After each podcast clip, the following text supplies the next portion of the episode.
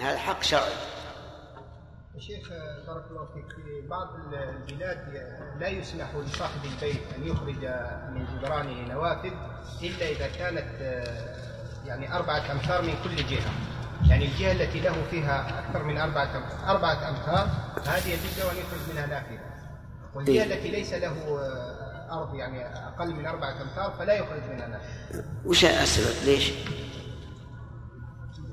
هذا يعني يسأل يقول إن بعض في بعض الجهات أو في بعض البلاد يقول إذا كان جدار الرجل يزيد من أربعة أمتار فأكثر فله أن يفتح النوافذ. وإن كان دون ذلك فليس له أن يفتح النوافذ. نقول هذا لا وجه له في الواقع. نعم. ابدا. وش الفرق بين أربعة أمتار وأقل؟ الإنسان يستطيع يرى أكثر من 20 متر. اي نعم ها قصدك النوافذ يعني إذا صار بينه وبين جاره المقابل؟ نعم. كذا؟ نعم بيت في وسط مثلا في وسط أرض. أنا فهمت إن لابد يكون جدار البيت أربعة أمتار فأكثر. لا الأرض الأرض يعني اللي بينك وبين جارك. بينك وبين جارك. آه. هذا أيضا لا وجه له. يقال النافذة إذا كانت تطل على جارك نعم. وتكشفه فهذه ممنوعة. سواء كان بينك وبينه أربعة أمتار أو أقل. طيب. أو أكثر. طيب كيف يفتح للهواء؟ يرفعها يرفعها. لا هم يقولون حتى لو جعلتها حتى لو رفعتها؟ حتى لو جنب السقف لا غلط. لا الممنوع آه، والواجب أن يضع سترة تمنع مشارفة الأسفل. فهمت؟ نعم. وأما إذا كان بيضع جدار رفيع لا يمكن الإنسان أن أن ينظر منه إلا إذا كان يبي يصعد على السلم فهذا لا يمنع حق. يعني معنى هذا إذن الجدران القصيرة ممنوعة. القصيرة اللي مثل طول هذا الجدار. لا في السطح حتى لو ما جعل الجدار ما يقولون لك شيء. وش الفرق؟ سبحان الله العظيم هذه الأنظمة التي هي أنظمة فاسدة. هذا هذا يقولون أن هذا من مصلحة الشارع حتى لا يعني يلزم صاحب الملك يترك مثلا مترين حتى ينتظم الشارع يكون مستقيم. لأن لو تركوا الشارع لا لا دي مسألة دي مسألة ثانية. هذا هو نفس لا لا لا هو يقول النوافذ فتح النوافذ. اي هذا يلزموه يقولوا له ما تفتح نوافذ إلا إذا خرجت مترين من ملكك حتى يستقيم الشارع يكون أنت لا لا مسألة استقامة الشارع هذا يعود إلى التنظيم. لا ما في تنظيم يا شيخ. ما هذا يعني إذا كان ما في تنظيم يفتح ألف فرجة ولا عليه. لا هو الواقع التنظيم هذا لا بد منه. لكن التنظيم الظالم بحيث مثلا يأخذون أمتار كثيرة ويقولون نوسع الشارع هذا غلط. إنما التنظيم لا بد منه. ما يمكن يكون واحد يدخل مترين وواحد يطلع مترين يكون الشارع معرج. نعم. الله معروف اليوم ان البيوت المشاهد ان البيوت تتفاوت بالنسبة للارتفاع قد يعمر إنسان بجانب شخص بيته مثلا دور واحد. يعمر بيت دورين. فاذا فتح نوافذ فوق سيكشف على السور اي إحنا نقول بارك الله فيك النوافذ تكون رفيعة. لا بد تكون رفيعة. يعني حل هذه المشكلة إما أن يرفع النوافذ بحيث إذا مر الرجل الطويل ما يشاهد إلا إذا أراد يصعد على السلم هذا شيء ثاني. أو يقال افتح النوافذ وضع حاجز. حاجز من برا بحيث إنك ما تستطيع تنظر إلى إلى جارك. طلب من الجار أن يضع له حاجز. نعم. طلب الجار الأول من جار الاخير قال ضع حاجز حتى لا لا تكشف. فهل يطالب الجار الحاجز؟ أي معلوم يقال أنت لابد إما أحد أمرين يا إما أن ترفع النافذة وإما أن تضع حاجبا لابد. نعم فؤاد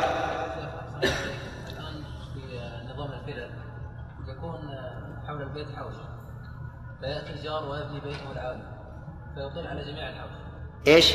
أقول فيطل بالبيت الجديد هذا الذي بناه الجار. على جميع الحوش على جميع السور التي بناه هو قلنا الآن قلنا ونقول ونكرر. لا يمكن أن يضع نافذة إلا مرتفعة أو حاجز كما أنه أيضا لا, لا, لا يجعل الجدار جدار السطح قصيرا. لا بد أن يرفع هو بيت بجانب بيت ما يخالف. لا بد يرفع. أما بيخلي مثلا الجدار قصير بحيث إذا مشى الإنسان رأى كل اللي حوله ما يصير هذا.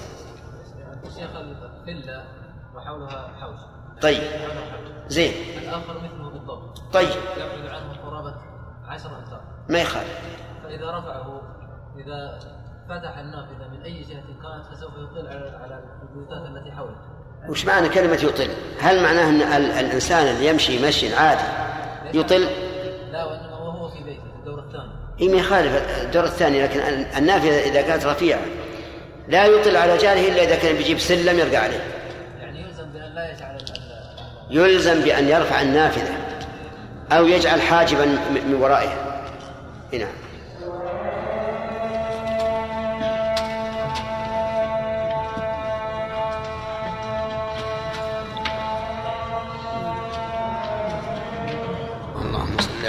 محمد. اللهم رب هذه الدعوة التامة. والصلاة القائمة آت محمد الوسيلة ولا نعم قولنا هو تابع القرار وأنا أيضا باقي الأرض تابع القرار نعم. بين قولنا ان المعدن لا يدخل في بيع الأرض إيش؟ ان المعدن الذي في جوف الأرض نعم. لا يدخل في لا المعادن ما ما هو بكل المعدن الجامد يدخل. هذا قاسوه على الماء. الماء النابع من الأرض ما يدخل في البيع. لكن صاحبه حق ثم مسألة المعادن الآن أصبحت على خلاف ما قال الفقهاء في الواقع. أصبحت الدولة لها فيها تصرف. شيخ إذا أتى صاحب الأرض بعامل يحدث في أرضه إيش تسوي؟ يحدث نعم. في أرض فحفر فوجد معدن. هل هو العامل أو لصاحب الأرض؟ لا صاحب الأرض. وإن كان إن إن, إن صاحب الأرض إذا استوجر إذا استوجر لحفره فهو لصاحب الأرض. وإن استوجر العامل لحفر بئر فوجد كنزا فهو له. العام نعم. بارك الله فيكم. ما قولكم في قول يقول إن ما دخل عندنا فهو لنا؟ إيش؟ ما دخل عندنا فهو لنا. مثلا إنسان أو جاران. في واحد عنده مثلا شجرة مثمرة فدخل غصن منها إلى الجار الثاني فيقول هذا الجار ما دخل هنا فهو من أين أخذ هذه القاعدة؟ نعم. من أين أخذ هذه القاعدة؟ لأن قيسوا له على أن هواء الهواء تابع للقرار هواء بيته تابع للقرار يقابل هذا القياس بأن الغصن تابع للأصل. بأن الغصن تابع للأصل. ه- هذا ال- الغصن للشجرة بمنزلة الأعضاء للإنسان. نعم. إذا أخرج رجل دكة من أمام بيته وتحقق منها ضرر ولم يرضى الجيران إي نعم. نعم. وقد يكون عقد أد- أدنى لأن هذا ما لم يتملك لكن يتحقق عليه الوعيد فيما, فيما هو أعظم. والذين يؤذون المؤمنين والمؤمنات بغير ما اكتسبوا فقد احتملوا بهتانا وإثما مبينا. نعم. بالنسبة لنقل الباب يا شيخ النافذ غير المشترك للنافذ المشترك؟ تناقض هذا. ها؟ نعم. يقاس عليه الميزان إي نعم. يقاس عليه على على كلام الفقهاء والصحيح أن المزاب ليس كالباب. المزاب لا يؤثر على أحد شيئا. الباب للاستطراق ربما آه، الإنسان يأتي بأشياء تؤذي الناس ويحصل فيها ضرر. نعم. أحسن الله إليك. بعض الناس يستعملون المنازيل في يعني مثلا في نظافة البيوت ثم يطرد الماء من من هذا الميزان. يعني ليس في زمن الشتاء نحن اغتفرنا آه، الضرر الذي يترتب على نزول الشتاء. نعم. لأنه ضرر يسير. لكنه يستعمل مثلا كلما نظف بيته أخرج من الماء من هذا الميزان. أي نعم. وليس في زمن شتاء ولا أي شيء. لا هذا بارك الله فيك. يمنع حتى من غير الميزاب حتى لو كان من من من اسفل من أسفل يمنع من إخراج ما يضر. هل يقال إذا استعمل الميزان في هذا الأمر يسد عنه الآن تغيرت الأعراف. الآن جرت جرى العرف أن الإنسان يغسل بيته السطح والأسفل ويخرج على الشارع ولا يرون في هذا بأسا. البلدية تمنع نعم. دخل الوقت يا شيخ. نعم. نعم. تمنع ما أدري. وإذا حصل منه يغرمونه ما سمعنا بهذا. إلا ها؟ إيش؟ صحيح؟ كيف الناس كل كل, كل يوم نشوفهم نعم. يقول أبو هريرة رضي الله عنه آه، ما لي أراكم عنها معروضين يعني ما يدل على أن الصحابة أعرضوا عن هذا الأمر. إذا كان واجبا كان فعلوه. نعم. لا مو على كل حال ان ان, الصحابة. قد أن تعرف أنها بعد الفتوحات. دخلوا ناس ما هم- من الصحابة. جاءوا إلى المدينة وإلى مكة. ليسوا من الصحابة. والصحابة رضي الله عنهم ليس كل واحد منهم معصوم من كل إثم. أو ربما إن بعضهم يتأول أو ما أشبه ذلك. والله الدرس يا شيخ؟ الدرس. انتهى المدة؟ اي نعم. بسم الله الرحمن الرحيم الحمد لله رب العالمين وصلى الله وسلم على نبينا محمد وعلى اله واصحابه ومن تبعهم باحسان إلى يوم الدين آه، ما الفرق بين الدرب النافذ والدرب المشترك الضرب النافذ هو المفتوح أما الضرب ال- النافذ يعني المفتوح من من الجانبين. طيب. أما الضرب المشترك هو المفتوح من أحد الجانبين. صحيح. المغلق من أحد الجانبين. طيب.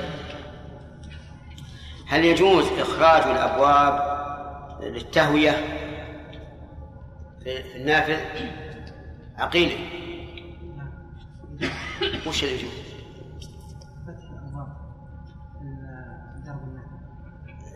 لا شيء تهوية.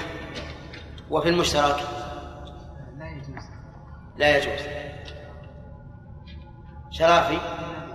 يجوز إذا كان في ملكه في ملكه في ملكه من من بابه إلى إلى فتحة الضرب المصطلح نعم. الفتح للتهوية يجوز في النافذ وغير النافذ.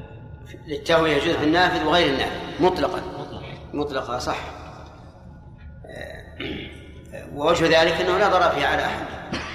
وأن الإنسان يجوز أن أن يهدم جداره كله ليس جزءا منه فقط للهواء طيب.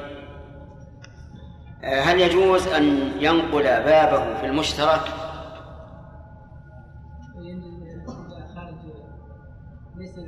نعم. يجوز إلى الخارج لا إلى الداخل. آه، لماذا؟ يعني علل ليش؟ صح. صحيح. لأن له حقا من من بابه إلى فم السوق. لكن ليس له حق من بابه إلى أسفل السوق. إلى أسفل السوق. هل يجوز إخراج الميزاب؟ نقول الميزاب نعم يجوز. مطلقا. يجوز مطلقا. على الراجح. أما على المذهب فإنه- في يعني في النافذ وغير النافذ. نعم في النافذ وغير النافذ. إلا يكون في ملك جاري فانه يمنع على المذهب. على المذهب إنه لا يجوز إخراج الميزاب في الدرب غير النافذ. في الدرب النافذ. مطلقا. نعم مطلقا. لا يجوز إخراج الميزاب في الدرب المشترك مطلقا. والنافذ أيضا. والنافذ مطلقا. طيب خالد؟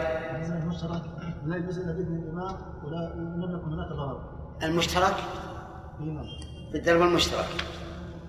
ظاهري لا ما عرفت المشترك والنافذ المشترك المسدود طيب و- الإمام ما له دخل في المشترك. ما تقول الميزان ما يخرج إلا إذا كان إلى ضرر وكان باذن الإمام. هذا في المشترك والنافذ ولا في النافذ؟ هذا في النافذ. كيف النافذ؟ في النافذ المشترك في النافذ المشترك جميعا. نعم. لا يجوز في النافذ إلا بإذن الامام أو نائبه نعم. لأنه حق للعامة والإمام له نعم. الضرر في المشترك يجوز صاحبه يعني بين المستحق. صح هذا هو. ما هو القول ال- الذي رجحناه بالنسبة لإخراج الميزان في الدرب النافذ؟ إنه يجوز. مطلقا. مطلقا. نعم. حتى لو شق بطون الناس. لو كان نازل مرة وصار لم- من مر غافلا شق بطنه. نعم إيه، ما لم يكن نازلا يضر يضر بالمارين. إيه. يعني يكون يجوز بإذن الإمام بلا ضرر. كذا. يجوز بإذن الإمام بلا ضرر. على القول الراجح. سبحان الله. ناقضت كلامك. أوله بآخره. يجوز إذا لم يكن القول الراجح. القول الراجح أنه يجوز بإذن آه، يجوز مطلقا إذا ما لم يكن فيه ضرر. لا لا يشترط فيه إذن الإمام إيه. توافقون على هذا؟ نعم. لأن هذا هو اللي عليه العمل. من عهد الصحابة إلى يومنا هذا. طيب. هل يجوز إخراج الدكة؟ يجوز إخراج الدكة في الطريق ما لم تؤدي إلى ضرر. مطلقا. نعم سواء نافذ أو مشترك. نعم. ما لم تؤدي إلى ضرر. ما لم تؤدي إلى ضرر. طيب. لا يجوز. في النافذ ولا المشترك؟ نعم. العامة. والمشترك؟ المشترك إلا بإذن ولم يتحقق منه ضرر. إلا بإذن المستحق. توافقون على هذا؟ يعني في النافذ يجوز بإذن الإمام بلا ضرر. في المشترك يجوز بإذن المستحق. طيب. آه، إذا كان المشترك فيه فيه آه، ستة أبواب. بابان في الأسفل وبابان على اليمين واليسار. فهل يستأذن من كان في الأسفل في تقديم بابه غيره أو لا يستأذن؟ ليس ليش؟ لأن الدرب كله له. لأن ترى كله له. أحسنت. وأما الذي من جهة فم السوق أنه يستأذن إذا أراد أن يرجع إلى التحقيق يستأذن إذا أراد أن يرجع. نعم. ما حكم وضع الخشب على جدار الجار؟ طه؟ حكم حكم وضع الخشب على جدار الجار الجار أنه جائز للضرورة. اذا إذا احتاج إليه الجار ان يضع خشبة في جدار يعني جائز للضرورة وشرط ثاني؟ وإذا لم يترتب على جدار صاحبه ضرر صح. وإذا يعني إذا كان للضرورة بلا ضرر على الجدار طيب. صحيح. آه، ما هي الضرورة في هذا الباب؟ زهير. الضرورة في ماذا؟ في وضع الخشب على الجدار. يريد أن يسقط بيته. لا ما هي ضرورة ليس عنده مكان آخر يضع عليه الخشب إلا جدار جار يعني إذا لم يمكن التصريف إلا بجدار جار إلا به. نعم. هل يلزم الج- الجار بدفع نصف النفقة إذا أراد أن يضع خشبه؟ لا يلزم. لا يلزم. ليش؟ إذا قال الج- الجار أنا ما عندي مانع. لكن أنا أنا خسرت على هذا عشرة آلاف ريال على على الجدار. سلم خمسة آلاف وضع خشبك. لأن هذا ملك الجار. لا يلزم لأن هذا هذه معاوضة. يعني كأن الجار يقول اشتري نصف الجدار مني وهذا لا يلزم. والشارع قد جعل له الحق بأن يضع خشبه عليه. ما هي الحكمة من إلزامه بوضع الخشب إذا لم يكن ضرورة. نعم الحكمة. ضرورة يكون ما ما عليه منك نبت عمد وحط سقف نعم.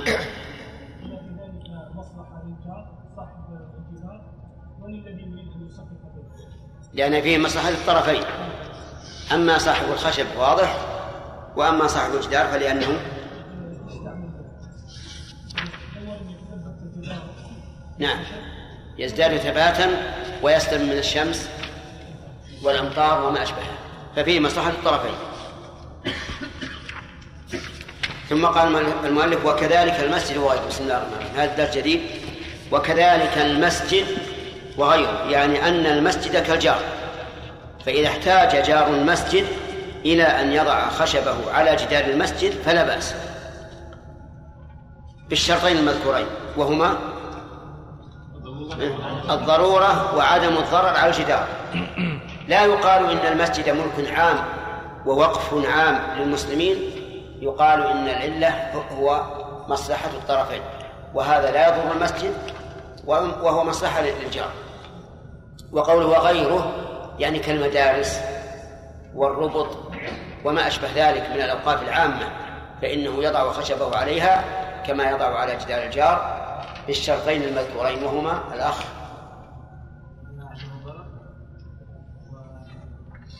الضرورة إلى وضع الخشب والثاني عدم. عدم الضرر. طيب. وكذلك مثل وغيره وظاهر كلام المؤلف أن للجار أن يعلي أن يعلي بناءه على جاره. يعني مثلا يجعل خمس طوابق ست طوابق وجاره ليس له إلا طابق واحد. لأن الهواء تابع للقرار وهذا هو صحيح. له ذلك. حتى لو حجب الشمس والهواء عنه فإن له ذلك. لأن هذا ملكه لكن إن علمنا أنه قصد الإضرار قصد الإضرار بجاره فهنا نمنعه. لأنه لا يجوز للإنسان أن يضار أن يضار جاره. والمضارة ممنوعة شرعا حتى إن الرجل إذا أراد أن يراجع زوجته التي طلقها حرم عليه إذا قصد المضارة. لقوله تعالى ولا تمسكوهن ضرارا لتعتدوا. أما إذا كان لغرض صحيح قال أنا رجل أريد أن أستغل ملكي أجعله شققا وأجرها فله ذلك. ثم قال وإذا انهدم جدارهما أو خيف ضرره فطلب أحدهما أن يعمره الآخر معه أجبر عليه. إذ انهدم جدارهما الضمير يعود على الجارين. يعني هذا جدار مشترك بين أرضيهما وأقيم على نفقتيهما. ثم انهدم. انهدم الجدار. فطلب أحدهما من الآخر أن يعمره. قال الآخر لن أعمره لأن ليس لي ليس لي حاجة. آه هذه أرضي لا أريد أن أعمر عليها وليس لي حاجة بإقامة الجدار. فإنه يجبر على ذلك. يجبر على ذلك.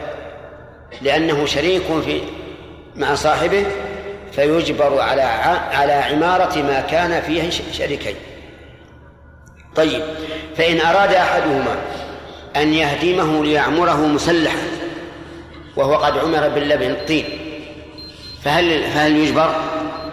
الجواب لا لأن هناك فرقا بين إفساد بين إصلاح ما فسد وبين التجميل والتزويق والنقل إلى أفضل حطوا إصلاح ما فسد يجبر الآخر عليه.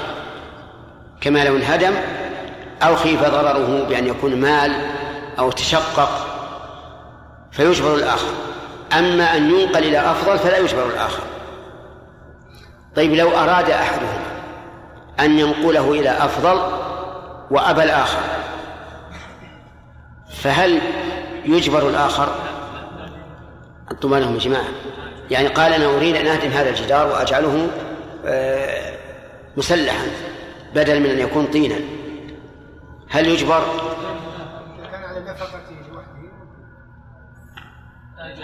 نعم لا يجبر طيب إذا قال أنا أريد أن أقوم به والجدار مشترك على على نصيبنا منه فهل يجبر؟ ينظر في هذا إذا كان قصده من الامتناع المراغمة لجاره وقال أهل الخبرة إن الجدار إذا أقيم على الطراز الحديث أفضل وأحسن فهنا يجبر لأنه في هذه الحال ليس عليه ليس عليه ضرر. فإذا قال اللبن ملكي كيف تأخذونه كيف تعدمونه؟ قلنا لم لم نعدم وإنما نقلناه إلى أحسن وأنت ليس عليك ضرر النفقة ليس عليك نفقة والجدار باق على الشركة فأي ضرر في ذلك؟ إنك إذا امتنعت لا تريد إلا إيش؟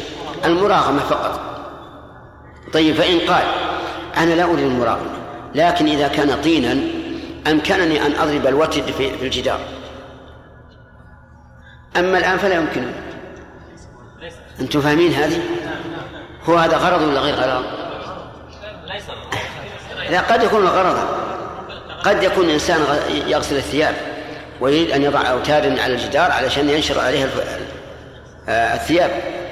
فالمهم إذا امتنع لغرض صحيح فهنا لا نجبره أما إذا امتنع مراغمة لجاره فإنه لا ضرر ولا ضرار.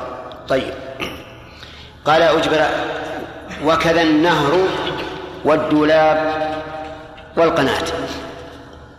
لو كان بينهما نهر وذلك بأن فتح على النهر الأم فتح عليه ساقية ينطلق منها الماء فخربت الساقية وهي مشتركة بين الجارين. فهل يجبر أحدهما الآخر على إصلاحها؟ الجواب نعم يجبره لأنه مشترك. والآن خرب لا بد من إصلاحه. فإن طلب أحدهما من الآخر أن يوسع النهر فهل يجبر؟ أجيبه لا يجبر.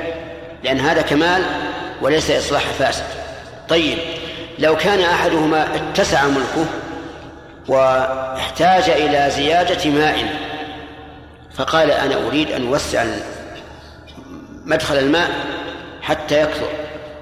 وقال الآخر لا. فهل يجبر أو لا؟ لا لا يجبر.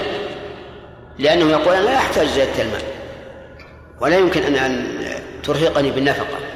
فإن قال الجار أنا أنا أقوم بالنفقة. وأبى. قال أبدا. ولا تزده عن حاله.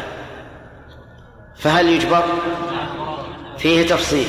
يا أخوان إن كان يقول أخشى إن زاد آه، مدخل مدخل الماء أخشى أن يغرقني أنا لا أتحمل.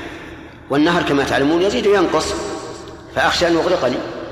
وإذا كان مدخله ضعيفا أمكننا أن ندرأه فأنا لا أوافق. والثاني يقول أنا أرضي اتسعت أحتاج إلى زيادة الماء.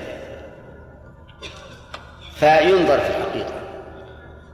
نقول إذا كان الاحتمال الذي أبداه الشريك وهو خوف زيادة الماء ويغرق الزرع إن كان الاحتمال واردا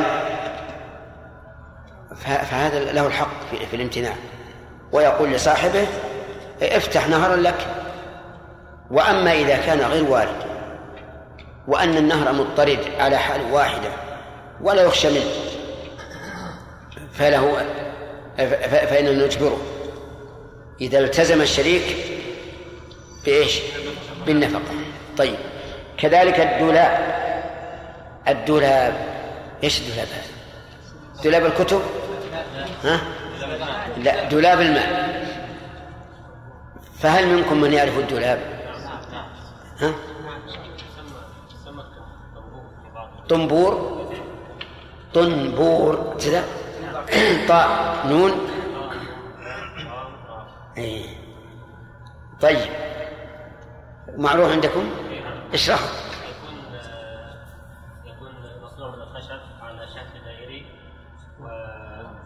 وعلى شكل اسطواني ويكون الماء إلى أسفل ويريد اخراجه إلى أعلى ويكون على هيئة حلزونيه مدوره من الداخل ويلف من الخارج فيدور فيه الماء يخرجه من أسفل إلى الاعلى. بأي طريقة؟ باليد باليد بيد بس بيد مدوره باليد. ياك وش وش يطلع الماء؟ يطلع بإيش؟ الخشب يكون هذا الدولاب يكون مصبوب من الداخل إيه. على شكل حلزوني من الأسفل إلى الأعلى يعني دو- مدور مدور مدور اي نعم ولكن هو مفتوح ولكن الخشب بالداخل مدور يعني من الأسفل إلى الأعلى. فحينما يدور الدولاب هذا إيه. يخرج الماء يمتص الماء من الأسفل ويخرجه من الأعلى. يعني بقناة قناة. نعم. بقناة مع الدوران اي لا هذا ما هو ما هو هذا هذا الدولاب. نعم. ها؟ وش الساقية؟ داب يا شيخ يربط بها الخشب يربط على شكل دائري. خرج الماء. يعني بف- بفمها. لا لا.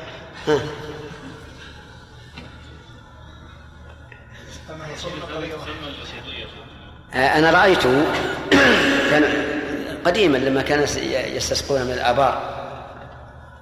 هو عبارة عن يوضع على البئر آه، شيء مثل الرحى مثل الرحى وله شرفات. أسنان. ثم فيه آه، مكرة كبيرة أيضا لها أسنان. تدخل في أسنان هذا الموضوع على على فم الب- البئر. تصورتوها الآن؟ طيب. هذه الثانية التي التي على البئر والتي لها أسنان تد- تدخل في أسنان هذه الموضوع على البئر لها آه، شيء مثل ما قال الأخ آه، عن ج- عبارة عن جنزير. جنزير. ها؟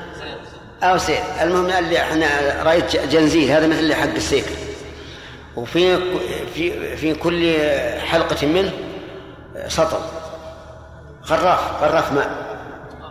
نعم. إذا طبعا إذا دارت العليا دارت السفلى السفلى فيها هذا الجزير يدور ثم يغرف الماء من الماء ويطلع ويصب في ساقية. أي نعم. ها؟ تسمى عندكم ساقية؟ والناعورة؟ أي. إيش الطربوش؟ طنبوشة. لا إله إلا الله. الله أكبر. آت محمدا الوسيلة و-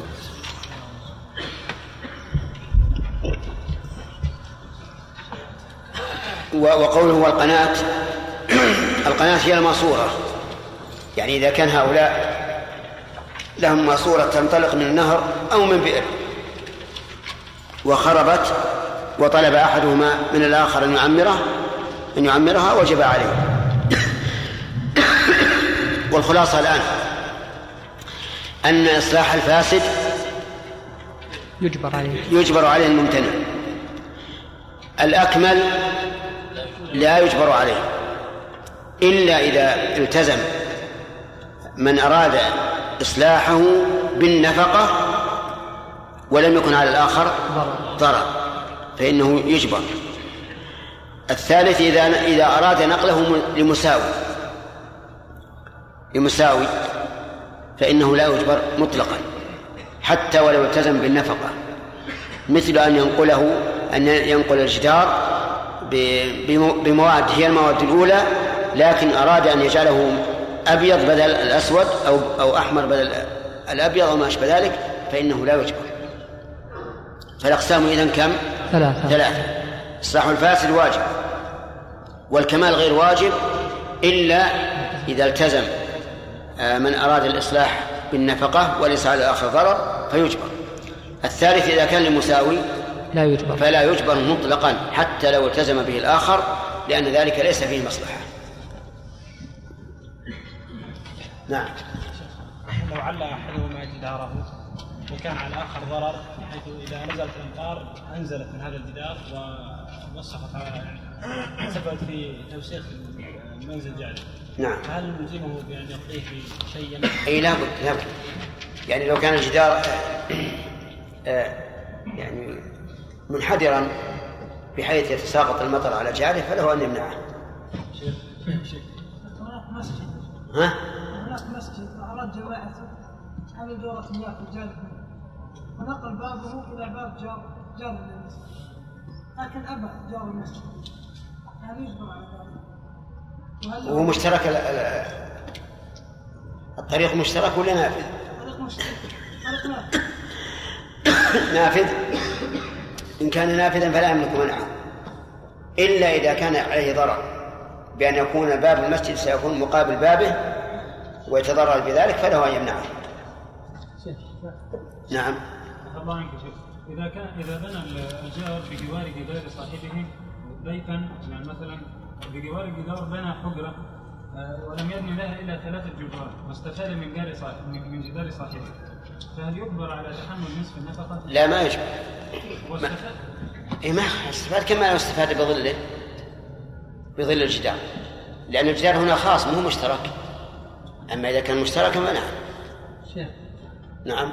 شيخ بارك الله فيكم. ذكرنا بأنه لا ضر خشب إلا للضرورة والشرط الثاني ان لا يتضرر الجدار. نعم.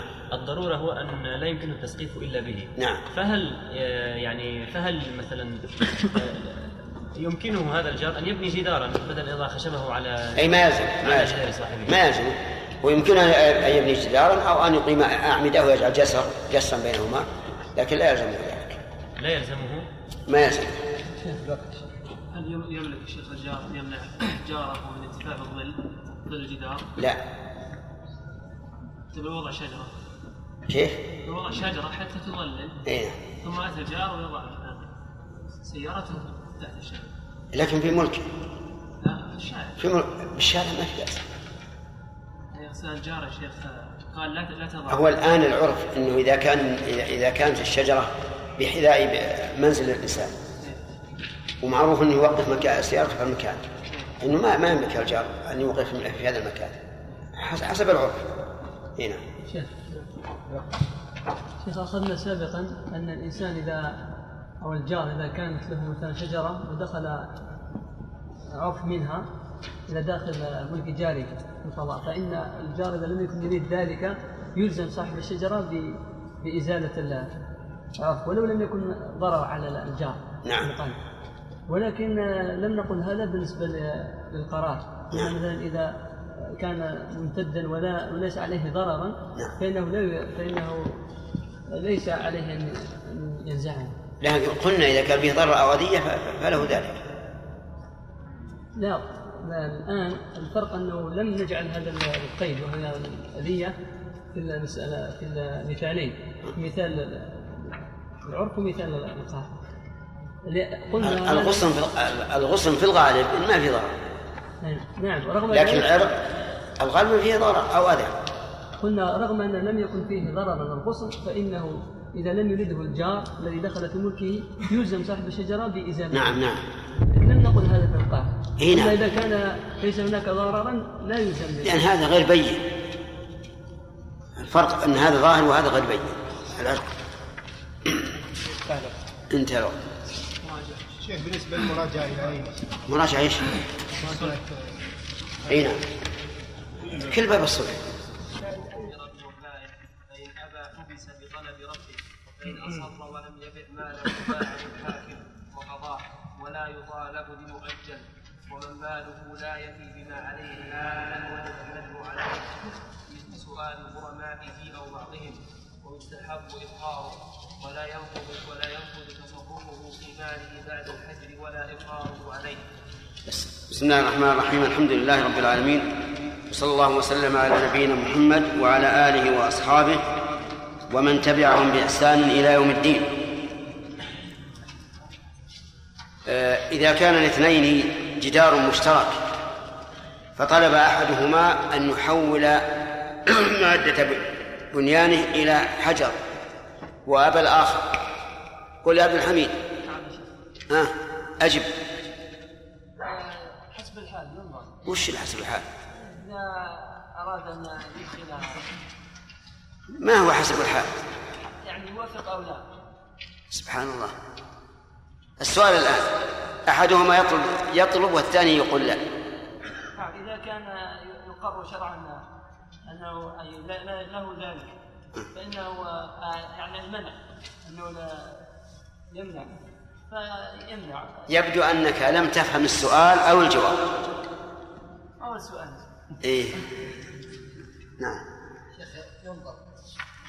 كان إن كان إيه، إس- اسمع السؤال. السؤال طلب أحدهما أن يغير مواد البناء من لبن إلى طوب. هذا لا يجبر. لا يجبر. لماذا؟ لأن لأن ليس إصلاح فاسد وإنما نقل آخر. طيب. آه، لو أن لو أن الجدار انشق رهين وخيف أن ينهدم فطلب أحدهما إعادة بنائه. يجبر يجبر. ما الفرق؟ الجدار ينهدم في ضرر على الطرفين. مم. الأول مجرد يعني الأول طلب تحسين. يعني شيء زائد على الأصل. وهذا طلب إعادة إلى الأصل. طيب. بينهما بئر. فطلب أحدهما أن تحفر البئر ليزداد ماؤها. وقال الثاني لا. لا يجبر على ذلك. لا يجبر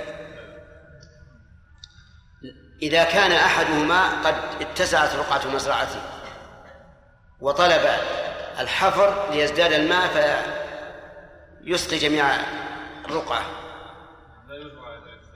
لا يجبر الثاني على ذلك.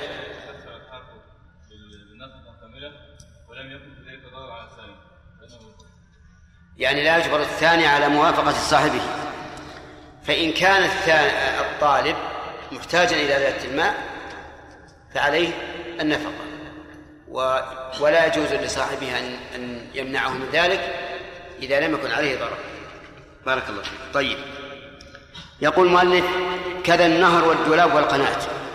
هذه ثلاثة أشياء. فما هو النهر؟ النار هو ما كان جاريا يعني دون دون صنع نعم. وش معنى النهر؟ يعني لو كان إيش؟ النهر كما لو أن ماء يجري. لو كان بينهما نهر. إن كان بينهما نهر يس- يسقي منه كل واحد منهما ويمر وينتفعان به كل من نفس النهر. فإنه في هذه الحال نقول أنه إذا احتاج هذا النهر إلى إصلاح أو إلى إزالة ما فسد أو إزالة ما يمنع وصول الماء إليه فإن في هذه الحالة إذا طلب أحدهما من الآخر ذلك أجبر عليه.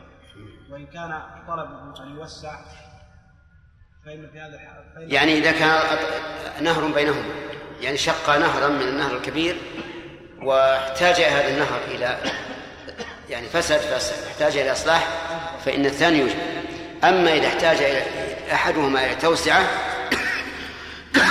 فإن الآخر لا يجبر على ذلك. طيب.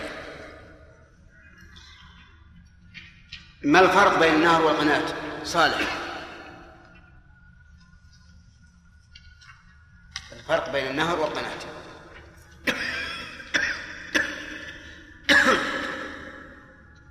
عجيب. قل لا أدري. نعم. القناة هي الماسورة تسحب من النهر وأما النهر فهو يجري على الأرض. بارك الله فيك. طيب. ثم قال المؤلف الدرس الجديد باب الحجر. الحجر في اللغة المنع والتضييق. ومنه سمي العقل إيش؟ حجرا هل في ذلك قسم لذي حجر أي لذي عقل. وسمي العقل حجرا لأنه يمنع صاحبه من فعل ما لا يليق شرعا أو عرفا. أما في الاصطلاح فهو منع الإنسان من التصرف في ماله. منع الإنسان من التصرف في ماله. إما لمصلحته أو لمصلحة غيره. يعني أن الحجر قد يكون لمصلحة المحجور عليه وقد يكون لمصلحة غيره. فمثلا إذا قلنا للموصي لا توصي بأكثر من الثلث. يعني حجرنا عليه فيما زاد على الثلث. فهذا لمصلحة من؟ لمصلحة الغير. وإذا حجرنا على السفيه أن لا يتصرف في ماله فهذا لمصلحة نفسه. فالمهم أن الحجر تارة يكون لمصلحة الغير وتارة يكون لمصلحة نفس المحجور عليه. وله أسباب.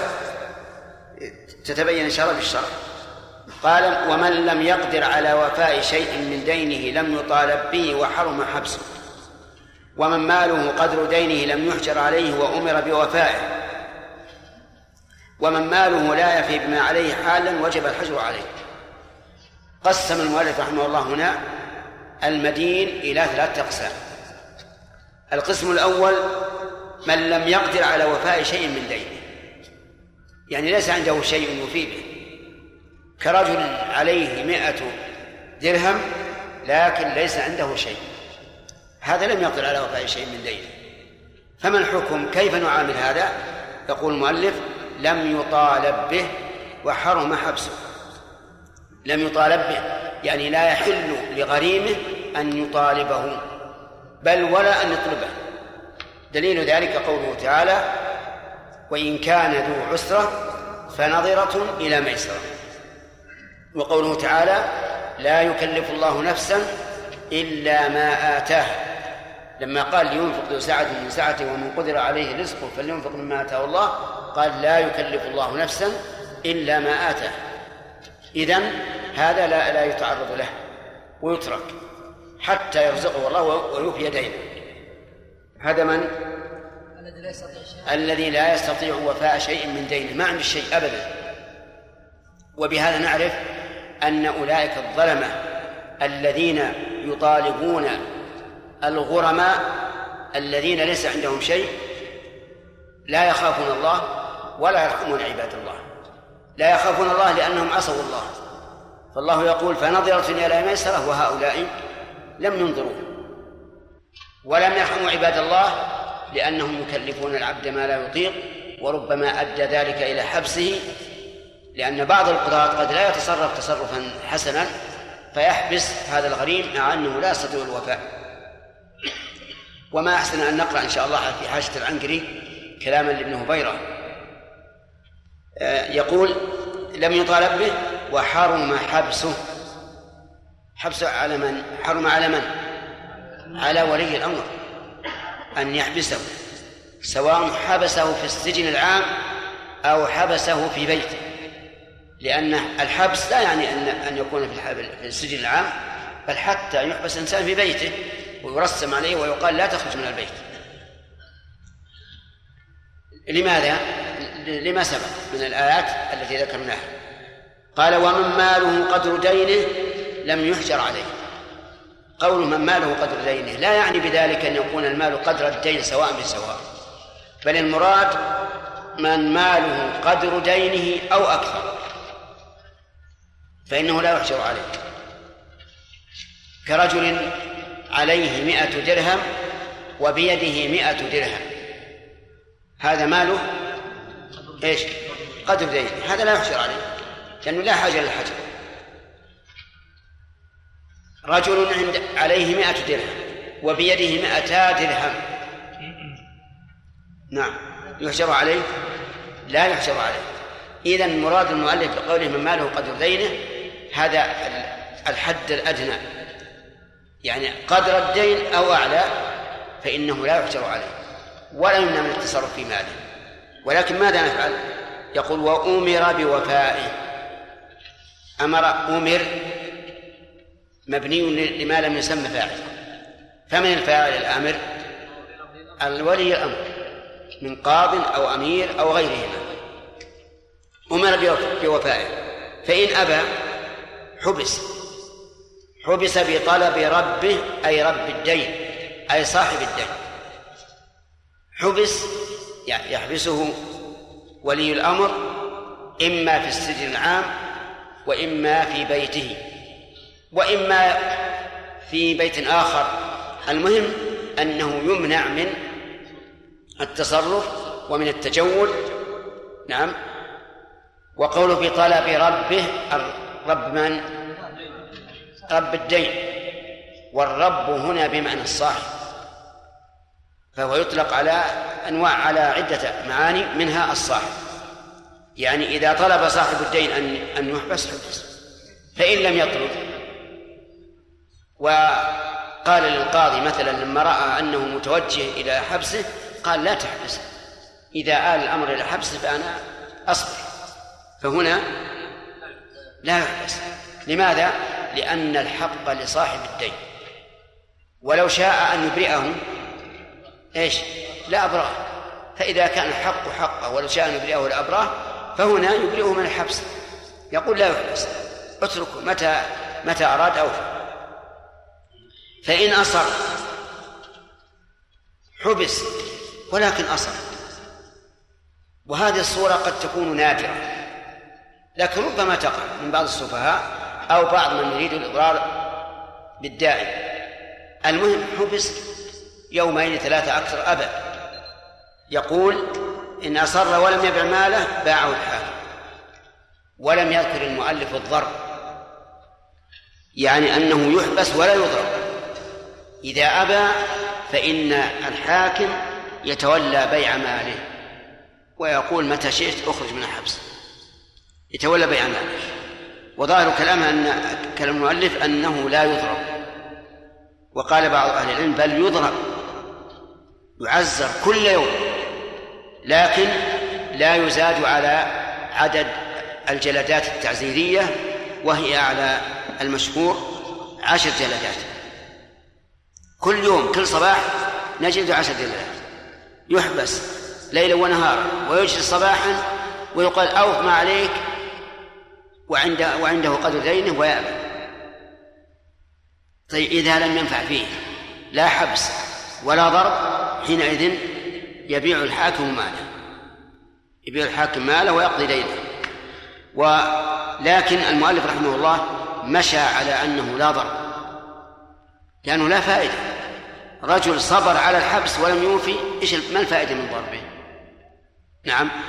لكن لو رأى لو رأى ولي الأمر من قاض أو أمير أن ضربه قد يفيد فله أن يضربه ضربا غير مبرر. وعلى هذا فنجعل الضرب ليس لازما بل هو راجع إلى إيش؟ إلى المصلحة راجع إلى رأي الإمام وظاهر كلام المؤلف أن الحاكم لا يبيع ماله فورا. يعني بمعنى أنه إذا قيل له أو في الدين قال لا قلنا نحبس قال احبسوني. فظاهر كلام المؤلف أنه لا يباع. وإنما يستعمل معه إيش؟ الحبس. طيب وإلى متى؟ يومين ثلاثة أربعة. ما ما ما, ما حدد. إلى أن يوفي وإلا فيبقى في الحبس دائما ولا شك أن هذا فيه إضرار بلا مصلحة. إضرار بمن؟ إضرار بصاحب الدين من وجه وإضرار بالغريم المدين. إذ لا فائدة.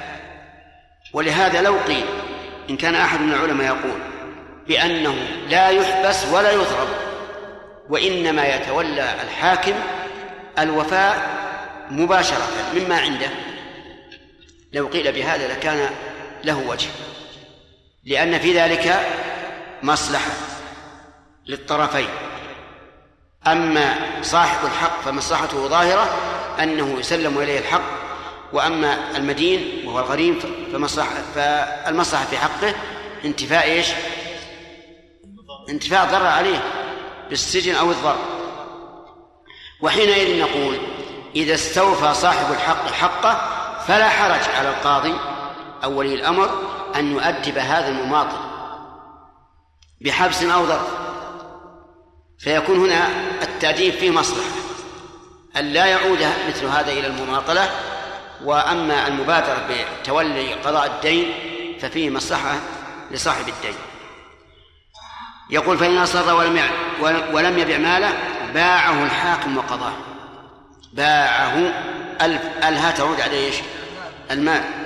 الحاكم القاضي. وكلما مر عليكم كلمة الحاكم فالمراد به القاضي. لكن لو أنه جعل هيئة مكونة من السلطان للنظر في, في, الديون صارت هذه الهيئة تتولى شؤون الديون. ولا يتولاها الحاكم. طيب قوله باعه الحاكم هذا مقيد بما إذا لم يكن الدين إذا إذا لم يكن المال من جنس الدين. مقيد بما إذا لم يكن المال الذي عنده من جنس الدين. فإن كان من جنس الدين فلا حاجة لبيعه.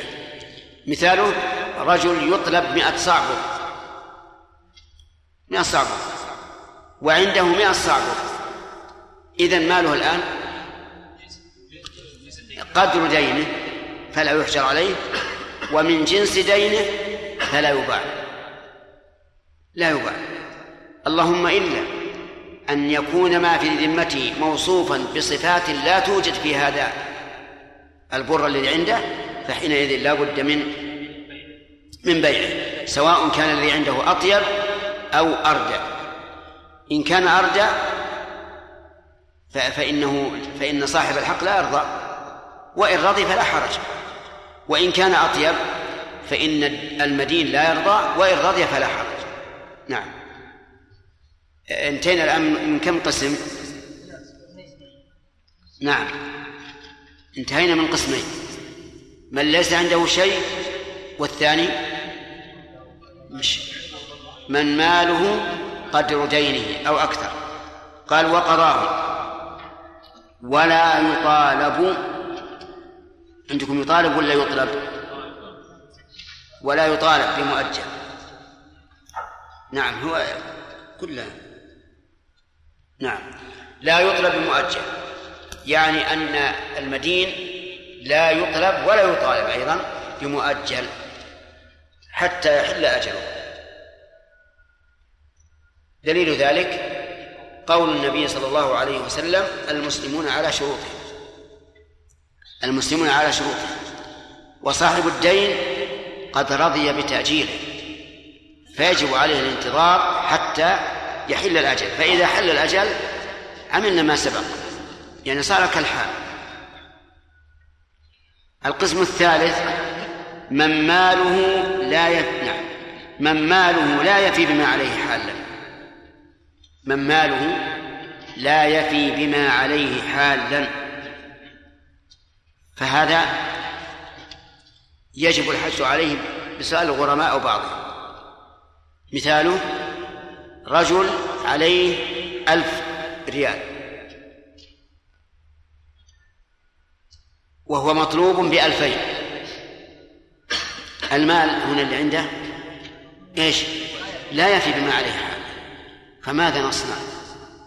يقول المؤلف وجب الحجر عليه وجب على من؟ الحاكم الذي يتولى هذه الأمور.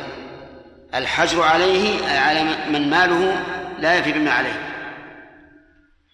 بسؤال غرمائه أو بعضهم. يعني إذا سأل الغرماء الحجر عليه أو سأل بعضهم الحجر عليه وجبت إجابته. دليل ذلك أن النبي صلى الله عليه وسلم حجر على معاذ وباع ماله في دين عليه. هذا من جهة الأثر وإن كان فيه مقال. من جهة النظر أن النبي صلى الله عليه وسلم جعل مطل الغني ظلما. وهذا وإن لم يكن غنيا الغناء التام الذي يوفي فهو فعنده بعض الشيء. فيكون ظالما بمنع الحقوق. والظلم يجب رفعه. ولا سبيل لنا إلى رفعه في هذا الحال إلا بإيش؟ إلا بالحج عليه. لأنه لو قال قائل احبسوه كما كما في القسم الثاني. قلنا لو حبسناه ما في فائدة. لأن المال الذي عنده لا يفي. بخلاف الأول القسم الثاني المال يفي. أما هنا فلا حجر والظلم تجب إزالته. فلهذا وجب الحجر. طيب الحجر يقول معنى الحجر أن نمنعه من التصرف في ماله. نمنعه من التصرف في ماله. لا ببيع ولا شراء ولا ولا ولا هبة ولا غير ذلك. نمنعه من التصرف. إذا كان صاحب متجر قفلنا المتجر بحيث لا يتصرف فيه بشيء. صاحب زراعة منعناه من التصرف في زراعته. المهم أن نمنعه من التصرف في أعيان ماله حفظا لذمته ولحق الغرماء. قال المؤلف ويستحب إظهاره. إظهار إيش؟ إظهار الحجر. بوسائل الإعلام. فلان محجور عليه. لئلا يغتر الناس فيعاملوه بعد الحجر. ومعلوم أن معاملته بعد الحجر باطلة. يعني لو أن أحدا اشترى منه شيئا بعد الحجر فإن الشراء لا يصح. و و ولا ينفذ. فيعلم الناس حتى لا يغتروا بمعاملته لأنه إذا لم يعلم فإنه ربما يغتر الناس ويعاملونه ويعاملونه ويعاملونه. يستحب إظهاره ثم قال ولا ينفذ تصرفه في ماله بعد الحجر ولا إقراره عليه. يعني بعد أن نحجر عليه لا ينفذ تصرف في ماله لا ببيع ولا شراء ولا تأجير ولا هبة ولا رهن ولا وقف. أي تصرف في المال لا ينفذ. لأن هذا فائدة الحجر. فائدة الحجر أن نمنعه من التصرف في ماله. لحق من؟ لحق الغرماء. فهذا محجور عليه لحق غيره. مثال ذلك رجل حجرنا عليه وعنده سيارة في المعرض. قد قد وضعها في المعرض قبل الحجر عليه. هل يمكن أن يبيعها؟ لا. لا يمكن أن يبيعها. لأن لأنه إذا حجر عليه لا يمكن أن يتصرف. طيب. وظاهر كلام المؤلف أنه يصح تصرفه في ذمته في ذمته بأن يشتري شيئا بثمن مؤجل وهو كذلك. لو اشترى المحجور عليه بذمته ما نمنعه ولكن البائع لا لا يدخل مع الغرماء فيما حجر عليه فيه. أنتم معنا؟ طيب هذا رجل حجرنا عليه. قلنا لا تصرف مالك الآن. لكنه اشترى من شخص سيارة. نقول الشراء الآن صحيح. لكن لا ينقض ثمنها من من المال الذي عنده. وتكون السيارة له. أي للمحشور عليه. وصاحب السيارة هل يدخل مع الغرماء في في في ماله السابق؟ لا يدخل مع الغرماء في ماله السابق. وذلك لأنه حجر عليه قبل هذا التصرف. طيب لو كان عنده هو سيارة بعد الحجر عليه وباعها فإن البيع لا يصح. نعم. وظاهر كلام المؤلف آه نعم. ظاهر كلام المؤلف أن تصرفه قبل الحجر صحيح. ولو أضر بالغرماء. فلو كان عنده عليه دين وماله أقل من دينه وتصرف فيه بالهبة صار من من وجد من الناس تبرع أهدى عليه. فظاهر كلام المؤلف أن ذلك صحيح مع أنه سوف سوف يضر بغرمائه. إنسان عليه عشرة آلاف وأنا عنده إلا ثمانية آلاف. فذهب يتبرع للناس كل من وجد تبرع له. نقول هذا لا يصح تبرع. مع أنه بالغ عاقل رشيد. لأن المال الآن تعلق به حق حق من؟ حق الغرماء. فلا يصح. نعم آه، نحن ذكرنا الآن العكس. هذا قبل الحجر. فظاهر كلام المؤلف أن تصرفه صحيح ولو أضر بالغرماء والصواب أنه ليس بصحيح وأنه حرام وباطل. ولهذا سئل الإمام أحمد رحمه الله عن المدين هل يتصدق أو لا؟ قال بالشيء اليسير كالخبز وشبهه. وأما ما يضر بالغرماء فلا يجوز على أننا نرى أنه لا يجوز أن يتصدق ولو بالقليل. ما دام عليه دين أكثر مما مما عنده من المال فإنه لا يجوز أن يتصدق. ولو بالقليل. لأن القليل مع القليل كثير. إذا قلنا تصدق مثلا بدرهم. على هذا الفقير. جاء فقير آخر تصدق بدرهم وهلم جرا صار الكثير قليل قليل كثيرا. فالمنع أولى.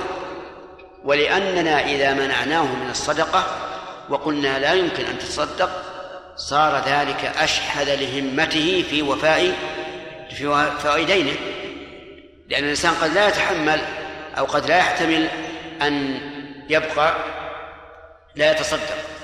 طيب لو قال أنا أنه يريد أن يعتمر وعليه دين أكثر من ماله هو معه مال الآن يستطيع أن يعتمر به؟ وعليه دين أكثر من ماله. نقول لا لا تعتمر هذا حرام عليك. قال ما أفرضت ما أديت الفريضة. قلنا لا فريضة عليك. لأن من شرط وجوب الحج أن لا يكون على الإنسان دين. فليس فليس عليك فريضة الآن. قال زملائي بيحجون قلنا ولو كان. ما يمكن. حتى توفي الدين. ولو كان فريضة ليست فريضة. أصلا نقول هذه غير فريضة. أنت الآن ليس, ليس عليك حج. إذا كان الفقير ليس عليه زكاة أنت ليس عليك حج. فلا تحج. إذا قال إذا قال يريدون أن أن أذهب معهم مجانا. ها نمنعه؟ في تفصيل إن كان يمنعه من عمل يكسب به فلا يجوز. وإن كان لا يمنعه وأن الإنسان عاطل ما عنده شغل أو جاءت الإجازة مثلا فلا حرج. لأنه هنا لا يضر بغريم شيئا. والعجب أن بعض الناس نسأل الله لنا ولهم الهداية يكون تكون عليهم الديون ويفعلون بإكرام الناس ودعوتهم فعل الغني. يتعرض للناس. كل ما جاء إنسان تفضل حياك الله. ومع ذلك يذبح له خروفا. كل يوم يذبح خروف للناس وهو ما عنده شيء. هذا غلط. غلط وهو آثم بذلك. هو بذلك آثم لأن لأن قضاء الدين واجب ومثل هذه الأمور مستحبة ليست بواجبة لكن أكثر الناس لا يعقلون هذا الأمر ويستهينون بأمور الدين مع أن أمر الدين عظيم جدا. حتى أن الرسول صلى الله عليه وسلم قبل أن يفتح الله عليه كان إذا قدمت إليه الجنازة وعليها دين يمتنع من الصرف عليه. يقول ما أصلي عليه؟ وهذا أمر عظيم. الرسول عليه الصلاة والسلام ما يشفع له. الجواب؟ نعم ما يشفع له. كذلك أيضا الرجل يقتل في سبيل الله. تكفر الشهادة كل شيء إلا الدين. ولهذا لما سئل النبي عليه الصلاة والسلام عن الشهادة قال إنها تكفر كل شيء فانصرف الرجل فناداه فقال إلا الدين أخبرني بذلك جبريل آنفا. فالتهاون بالدين ليس ليس من العقل ولا من الشرع أيضا. أو في دينك ثم نم. ولهذا قال في المثل العامي من قضى دينه صالح سمعنا ما أو إنك على المثال الأخير. من قضى دينه دينه نامت عينه ما أدري عن عينك عينك نامت؟ آه انتبهوا. آه المثل هذا صحيح. الإنسان الحي العاقل لا شك أنه لا يطمئن في النوم وعليه وعليه دين. طيب. آه الخلاصة الآن. متى يكون الحجر على المدين؟ إذا كان ماله أقل من دينه فإنه يحجر عليه. لكن بشرط سؤال الغرماء أو بعضهم؟ فإن لم يسألوا فلا حرج فلا حرج. طيب إذا لم يحجر عليه لكن ماله أقل من دينه فالصحيح أنه محجور عليه شرعا. لا حكما. إذا حجر حكما ما في منه. لكن إذا لم يحجر عليه حكما من قبل القاضي فهو محجور عليه شرعا. الدليل مطل الغني ظلم. والتبرع بماله إيش؟ يأتي إلى عدم الوفاء إلى المطل فيكون ذلك ظلما. لكن يفترق عن المحجور عليه حكما بأن هذا يصح أن يتصرف في ماله بغير تبرع. يعني يجوز يتصرف لكن لا يتبرع. يعني يجوز يبيع ويشتري مثلا ولا حرج. فهذا هو الفرق. فالمحشور عليه شرعا هو الممنوع من إيش؟ من التبرع. أما التصرف فلا بأس. ولهذا نقول للمدين الذي ماله أقل من دينه ولم يحشر عليه نقول بيع واشتري ما في مانع. لكن لا تتصدق ولا تتبرع. طيب إذا جاءه صاحب له وأراد أن يبيع عليه ما يساوي عشرة في ثمانية. يجوز أو لا؟ على قولنا لا يجوز. لأن هذا تبرع في الواقع. قال المؤلف رحمه الله تعالى ولا إقراره عليه. ولا إقراره عليه إيش معناه؟ يعني لا يصح بعد الحجر أن يقر على شيء من ماله الذي بيده. ويصح إقراره في ذمته؟ نعم. مثال ذلك الإقرار عليه لما حجرنا عليه. قال يا جماعة اصبروا. ترى هذه السيارة لفلان. هذه السيارة لفلان. يقبل إقراره؟ لا يقبل إقراره على المال لكن يقبل في ذمته. كيف ذلك؟ نقول أما السيارة الآن فإنها تباع ويوفى منها الدين. وأما الذي أقر له بالسيارة فيطالبه بعد فك الحجر عنه ويقول أعطني قيمة السيارة. عرفت؟ مد والله. واضح؟ نعم. إقراره على عين ماله لا يقبل وفي ذمته يقبل والحكمة من أنه لا يقبل لئلا لئلا يتواطأ الغريب وآخر على الإقرار بأن هذا الشيء بالآخر من أجل أن لا يباع في دينه. واضح؟ هذا قريب. مثلا إنسان حجرنا عليه وعنده سيارة تساوي خمسين ألف. فجاءه صاحب له قال له يا فلان أقر بأن السيارة لي. من أجل أن أخذها. وهي ليست له. هذا وارد ولا غير وارد؟ وارد لا شك. ولهذا يسد الباب. يقال الآن إذا أقررت بأن السيارة لفلان إقرارك بالذمة لازم. وأما السيارة فإنها داخلة في المال فتباع ويقضى منها الدين. كذلك لو قال لشخص إن له علي ألف درهم بعد أن حجرنا عليه. هنا ما أق... لم يقر بعين إنما أقر بإيش؟ بدين بعد ما حجرنا عليه قال في ذمتي لفلان ألف درهم. يقول لا يقبل. لا يقبل بمعنى لا يدخل مع الغرماء ولكن يطالب متى؟ بعد فك الحجر عنه. بعد فك الحجر. لأن التهمة حاصلة. قد يأتي إنسان صاحب له ويقول تعال أنت الآن عليك دراهم للناس. أقر لي بشيء حتى أشاركهم وإذا أخذت أعطيتك إياه. هذا وارد. فنقول لا يقبل. لا يقبل إقراره بالنسبة لمشاركة الغرماء. أما بالنسبة لبقاء الدين في ذمته فهو باق. ولهذا قال ولا إقراره عليه أي على إيش؟ أي على ماله. يعني على أعيان ماله لا يقبل. قال ومن باعه أو أقرضه شيئا بعده أي بعد الحجر رجع فيه أي فيما باعه أو أقرضه إن جهل حجره وإلا فلا. يعني إنسان آه، باع على المحجور عليه شيئا وهو لا يعلم. ثم علم أنه محجور عليه. ماذا يصنع المشكل. لأن التصرف معه بعد الحجر غير نافع.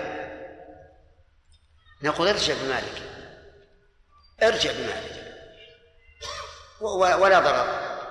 حتى لو فرض أن هذا المحجور عليه استعمله يومين أو ثلاثة أو أكثر فيكفيك أن يرجع إليك عين مال أن ترجع إليك عين مالك. مثال هذا رجل باع على هذا المحجور عليه سيارة بخمسين ألف وهو لا يدري أنه محجور عليه.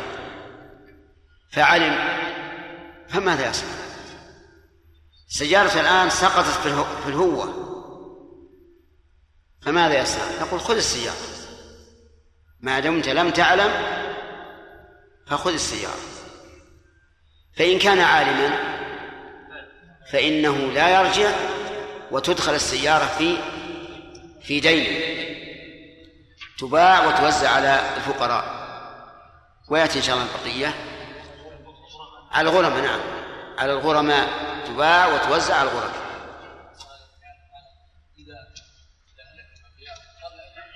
إيش؟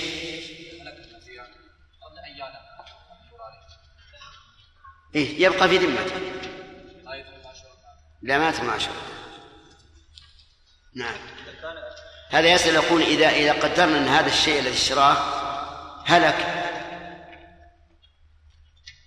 فهل يدخل مع الغرماء؟ نقول لا. يبقى في ذمته. نعم. هذا الرجل محجور عليه له بيت يسكنه العائلة ولو سيارة للعائلة يبي يجينا إن شاء الله بيجينا نعم عبد الحميد. نعم.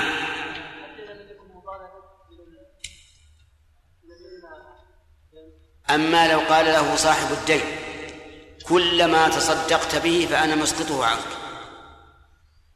فلا بأس لأنه ما يضر الآن. أما إذا ك... إذا لم يقل هذا فقد يكون سكوته حياء أو خجلا أو ما أشبه ذلك. نعم.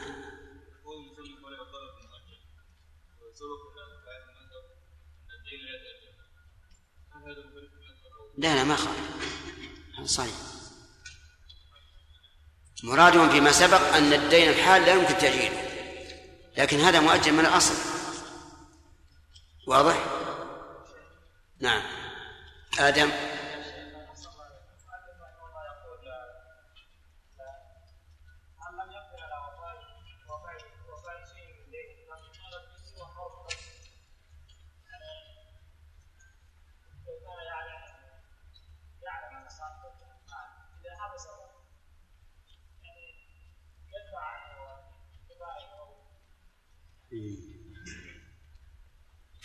سمعتم كلامه؟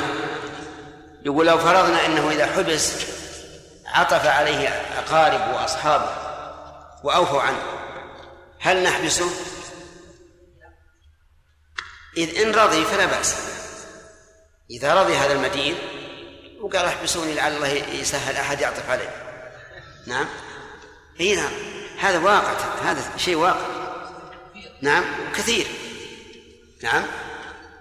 فلا بأس. يحبس لأن حبسه الآن من مصلحة الغرماء نعم. في رضاه نعم نعم. لا ما في إنسان. ما في إنسان. لكن لا شك أن, أن إذا رأيت هذا الرجل محبوس عن عن أهله وعائلته سوف أرق له أكثر مما إذا كان يمشي في السوق. نعم.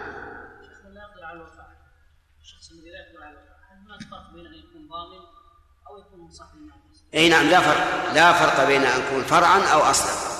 يعني فالضامن والكفيل إذا لم يحضر البدن سواء. إي يطالب. شو وش الفائدة منها؟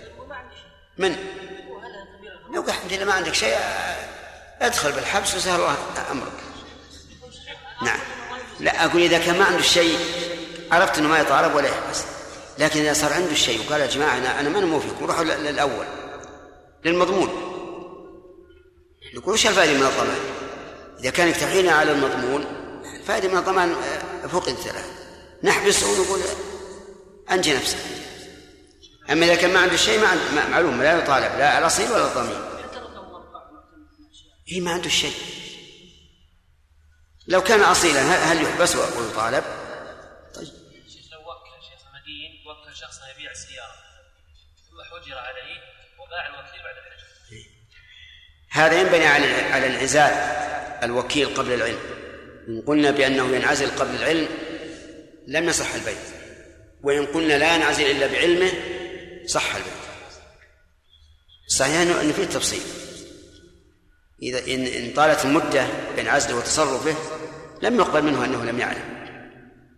وإن قصرت أو كان متباعد يعني في في المكان ولا فيها هاتف يتصل به فيصح. نعم. لا أخذت يا خالد. أبدا؟ السؤال خير إن شاء الله. ما حجة المذهب في قول الدين الحال لا يؤجل نعم. حجتهم ان إن إن إن التأجيل وصف زائد على الأصل. والأوصاف الزائدة على الأصل لابد أن تكون في في نفس العقد ولو قبل الدائم ولو قبل. لكن الصحيح أنه يتأجل. الصحيح أن القرض يتأجل والدين إذا حل وطلب تأجيله بدون زيادة فلا بأس. لأن المذهب مشكل يعني لو لو تغرث هذا الرجل 100000 يشتري بيت واشترى بيت 100000 وجيت إليه من الغد وقلت يلا أوفني ولا الحبس. خلاف خلاف المشروع والمعقول. إذا وقعت هذه الحاجة ماذا يقول؟ من اللي مدار؟ إذا قال يعني أوفني قال لا ليس معي الآن شيء ويؤجل. يباع يحجر عليه إذا كان ما عنده إلا البيت هذا. نعم. الأصل يا شيخ أن يكون جاهلا أو عالما ما هو؟ الذي باعه ثم ثم قيل له لا لا في في التفصيل إذا كان عالما بأنه محجور عليه ما الحق يرجع في ماله.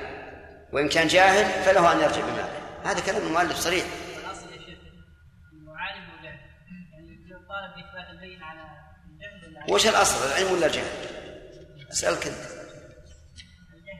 أنت. نعم. شيخ إذا كان ذكرنا أنه لا لا يصح إقراره على ماله. نعم. فإذا قال لشخص لا يصح إقراره على ماله لكن يكون في ذمته. يعني يكون في ذمته. نعم. لكن قال لشخص قال له أنا لن أقر لك بدين بمال من مالي. ولكن تعال أنت وقل أني غريم لم أعلم ب- بأنه قد حجر عليه إلا بعد حج نعم. لكي يشارك يشارك ما يقبل لا بينه وبين الغريم الذي يطلب تدين هذا ببين مو بإقرار. هذا بإقرار. المحجور عليه لا يقبل إقراره بأي شيء. لا بدين سابق ولا لاحق إلا إذا صدقه الغرماء كيف تكون البينه؟ يشهد عليه يشهد عليه أنه معاه من قبل يحجر عليه نعم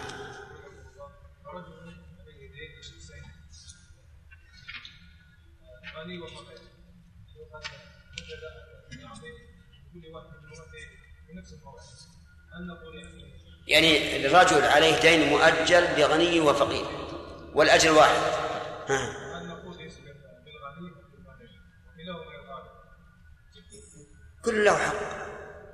ما دام ما دام عنده مال أما كان ما عنده مال أبدا فهو لا يطالب سواء كان الغني آه، صاحب الطلب غنيا أو فقيرا كل واحد كل واحد. كلهم حق ثابت. ما هو ما هو بالغني والفقير هو الطالب ولا المطلوب؟ إيه لا فرق نعم.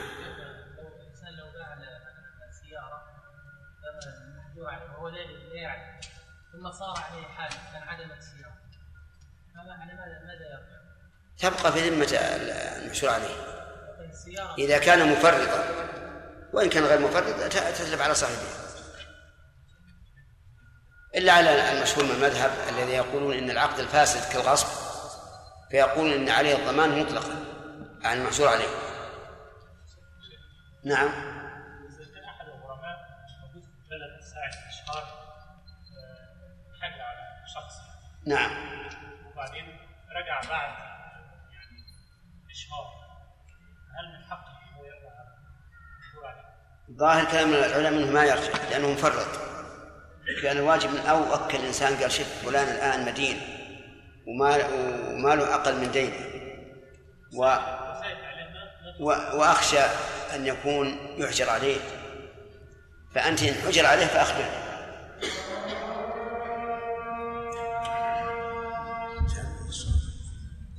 آت محمدا الوسيلة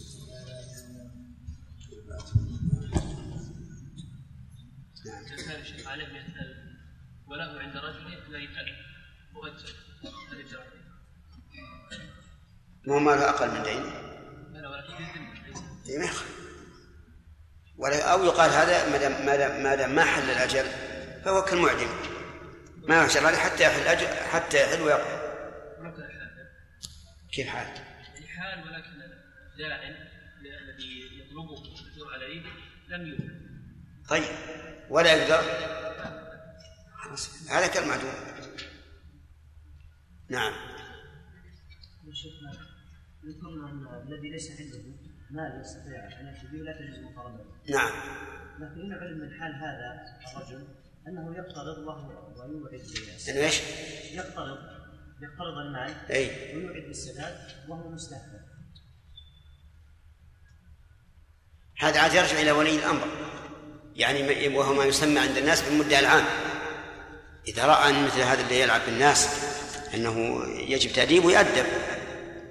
لكن تجوز مقارنته على هذا ولو لم يكن عنده شيء. لا إذا علمت ما عنده شيء إنه رجل أخرق استقرض منك مثلا 100 ريال ولكن الأخرق إذا لقى ناس بالسوق نازلين تو مسافرين وجايين قال تفضل والله احييكم نعم. فهذا ما, ما يخالف بس نعلم ما عنده شيء. لكن إذا رأى ولي الأمر ولهذا يذكر لا سك لا ولو تاكد حقل الغرف خلاص يا شيخ. ترى هالقصص يا شيخ. نعم. قلت ترى هالقصص اللي سكت المسجل عنها. أقول إن لم تحفظ خلاص تذهب أدراج الرياح. لابد يتلقاها. الخلف عن لا السلف. تكون غير مناسبة في في هذا المقام. نعم. نعم. بسم الله الرحمن الرحيم. الحمد لله رب العالمين وصلى الله وسلم على نبينا محمد وعلى آله وصحبه أجمعين.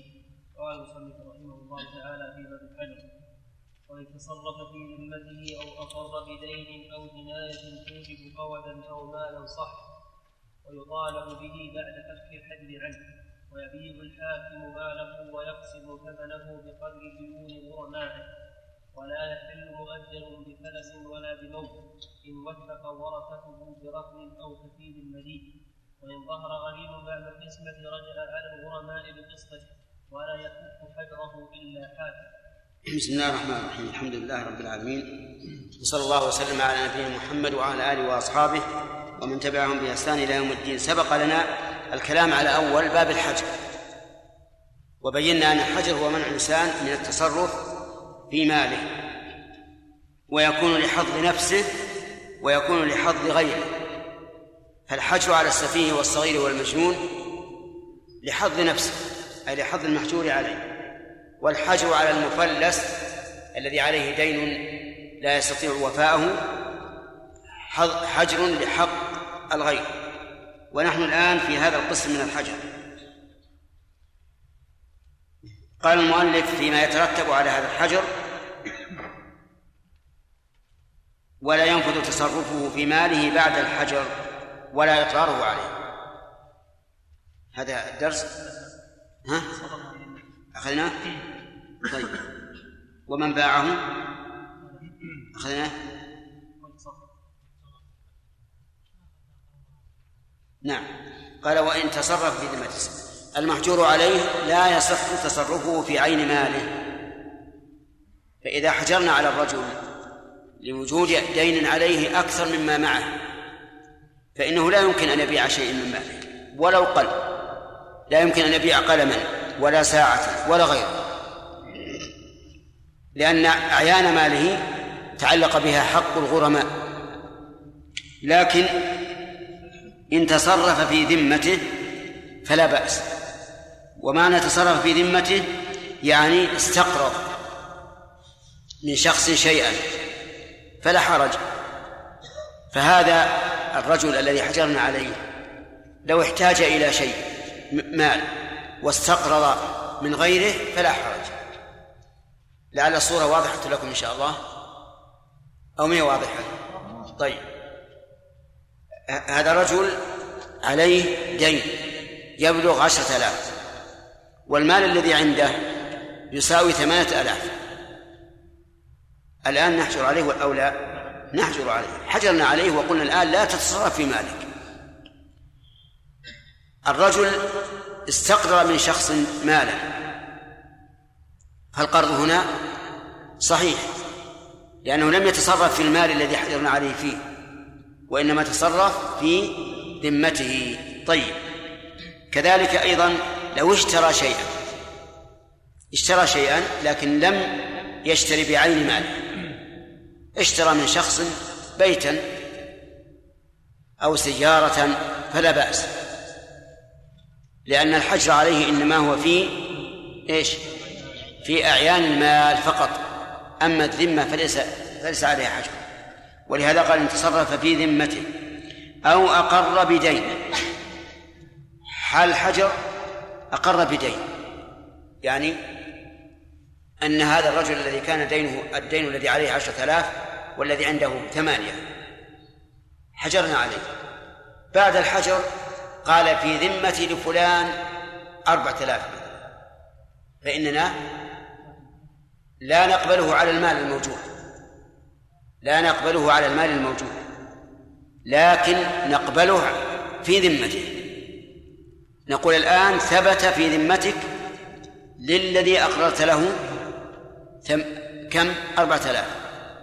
أربعة آلاف. لكن لا تؤخذ الأربعة من من المال. لأن هذا التصرف بعد الحجر.